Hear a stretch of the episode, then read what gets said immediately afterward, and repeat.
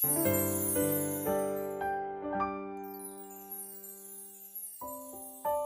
kabar semuanya saudara? Sukacita surga melimpah dalam hidup saudara, damai sejahtera Allah memerintah dalam hidup saudara dan saya. Suatu kehormatan bagi saya dalam momen Natal ini bisa membawakan serial khotbah mengenai Natal. Doa saya agar firman Tuhan ini menjadi berkat buat saudara dan mengubah hidup saudara sama seperti saya diberkati. Doa saya, saudara juga pasti diberkati. Yuk sama-sama yang diberkati kita tundukkan kepala, kita bersatu dalam doa. Bapak yang baik, Bapak yang kami sembah dalam nama Tuhan Yesus. Kami siapkan hati kami untuk sambut kebenaran firman Tuhan. Urapi hambamu, lidah bibir perkataannya diurapi dari surga. Setiap kata kalimat yang keluar, nama Yesus saja yang dipermuliakan. Segala yang jahat, kami cabut, kami patahkan kuasanya Allah Roh Kudus. Pakai hambamu jadi berkat, urapi hambamu. Bahkan siapa pun yang menonton, mereka diberkati Tuhan. Di dalam nama Tuhan Yesus. Setiap kita yang siap diberkati, sama-sama kita katakan, Amin. Keluarkan pulpen saudara, keluarkan catatan saudara, dikit lagi Natal ya. Sudah siap bun pohon Natalnya, sudah siap kue-kuenya, baju barunya gimana. Tapi lebih dari segalanya kita akan membahas mengenai the heart of Christmas atau hatinya Tuhan mengenai Natal. Kita buka dasar firman Tuhan Yohanes 4, Yohanes 8 ayat yang ke-12. Maka Yesus berkata pula kepada orang banyak, katanya, akulah terang dunia, Barang siapa mengikuti aku, ia tidak akan berjalan dalam kegelapan, melainkan ia akan mempunyai terang hidup. Injil Lukas 1, 78-79, oleh rahmat dan belas kasihan dari Allah kita, dengan mana ia akan melawat kita, surya pagi dari tempat yang tinggi, untuk menyinari mereka yang diam dalam kegelapan dan dalam naungan maut, untuk mengarahkan kaki kita kepada jalan damai sejahtera. Alkitab katakan bahwa manusia hidup di dalam kegelapan. Alkitab katakan hidupnya dikuasai oleh dosa. Ada kegelapan dalam hidup mereka. Kegelapan membuat kita nggak tahu jalan mana yang mau kita tempuh. Berapa waktu lalu di rumah saya mati lampu. Jalan yang biasa saya jalan dengan PD, dengan percaya, karena gelap saya harus pelan-pelan sambil meraba-raba. Bahkan beberapa kali barang yang saya ambil bukan yang saya mau alias saya salah ambil. Ada banyak orang karena kegelapan jadinya tersesat.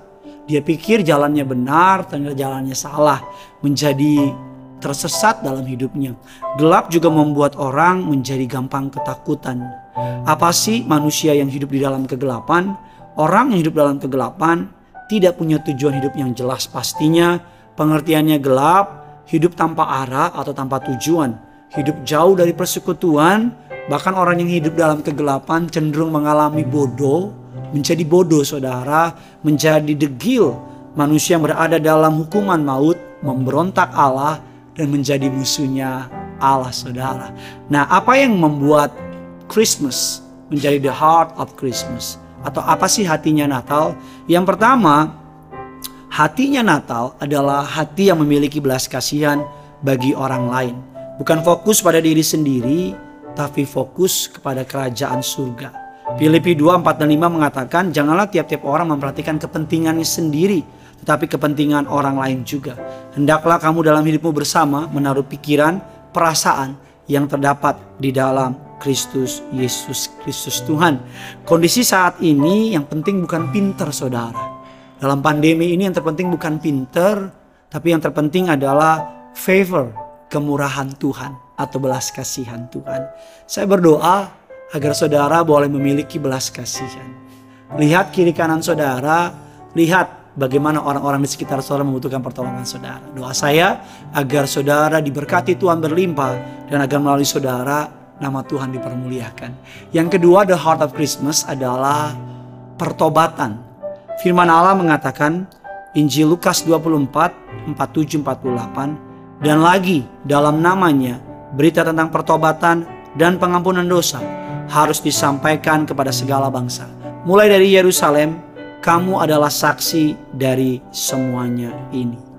Gereja harus menyampaikan berita tentang pertobatan. Saudara dan saya di Natal ini, hati dari Tuhan adalah mengapa dia ingin datang ke dunia karena dia mau saudara tinggal dalam pertobatan.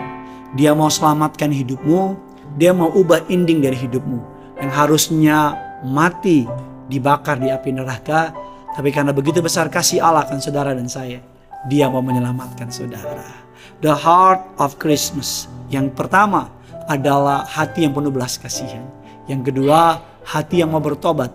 Dan yang ketiga yang terakhir adalah hati yang penuh dengan kerendahan hati. Filipi 2 mengatakan ayat yang ke-6 yang walaupun dalam rupa Allah tidak menganggap kesetaraannya dengan Allah sebagai miliknya yang dipertahankan, melainkan telah mengosongkan dirinya sendiri, mengambil rupa seorang hamba menjadi sama dengan manusia. Dalam keadaan sebagai manusia, ia telah merendahkan dirinya, taat sampai mati, bahkan sampai mati di kayu salib. Itulah sebabnya Allah sangat meninggikan dia dan mengaruniakan kepadanya nama di atas segala nama. Hati yang rendah hati adalah hati yang Tuhan cari. Hati yang penuh belas kasihan adalah hati yang Tuhan cari. Hati yang mau bertobat adalah hati yang Tuhan cari. Rendahkan dirimu di bawah tangan Tuhan yang kuat. Maka akan meninggikan kau pada waktunya. Berdoa agar Natal ini engkau punya belas kasihan. Natal ini engkau bertobat. Natal ini engkau rendah hati. Agar genaplah firman Tuhan. Engkau dan aku dipanggil bukan hanya untuk diberkati, tapi untuk boleh menjadi berkat. Doa saya, firman Tuhan menjadi kekuatan bagi saudara, menjadi bahan untuk mempersiapkan Natal, dan jangan lupa tulis komentar di bawah bagaimana Natalmu dan bagaimana kehidupan saudara. Jangan lupa like, subscribe, karena yang punya surga, crazy in love with you and with you. Bye-bye.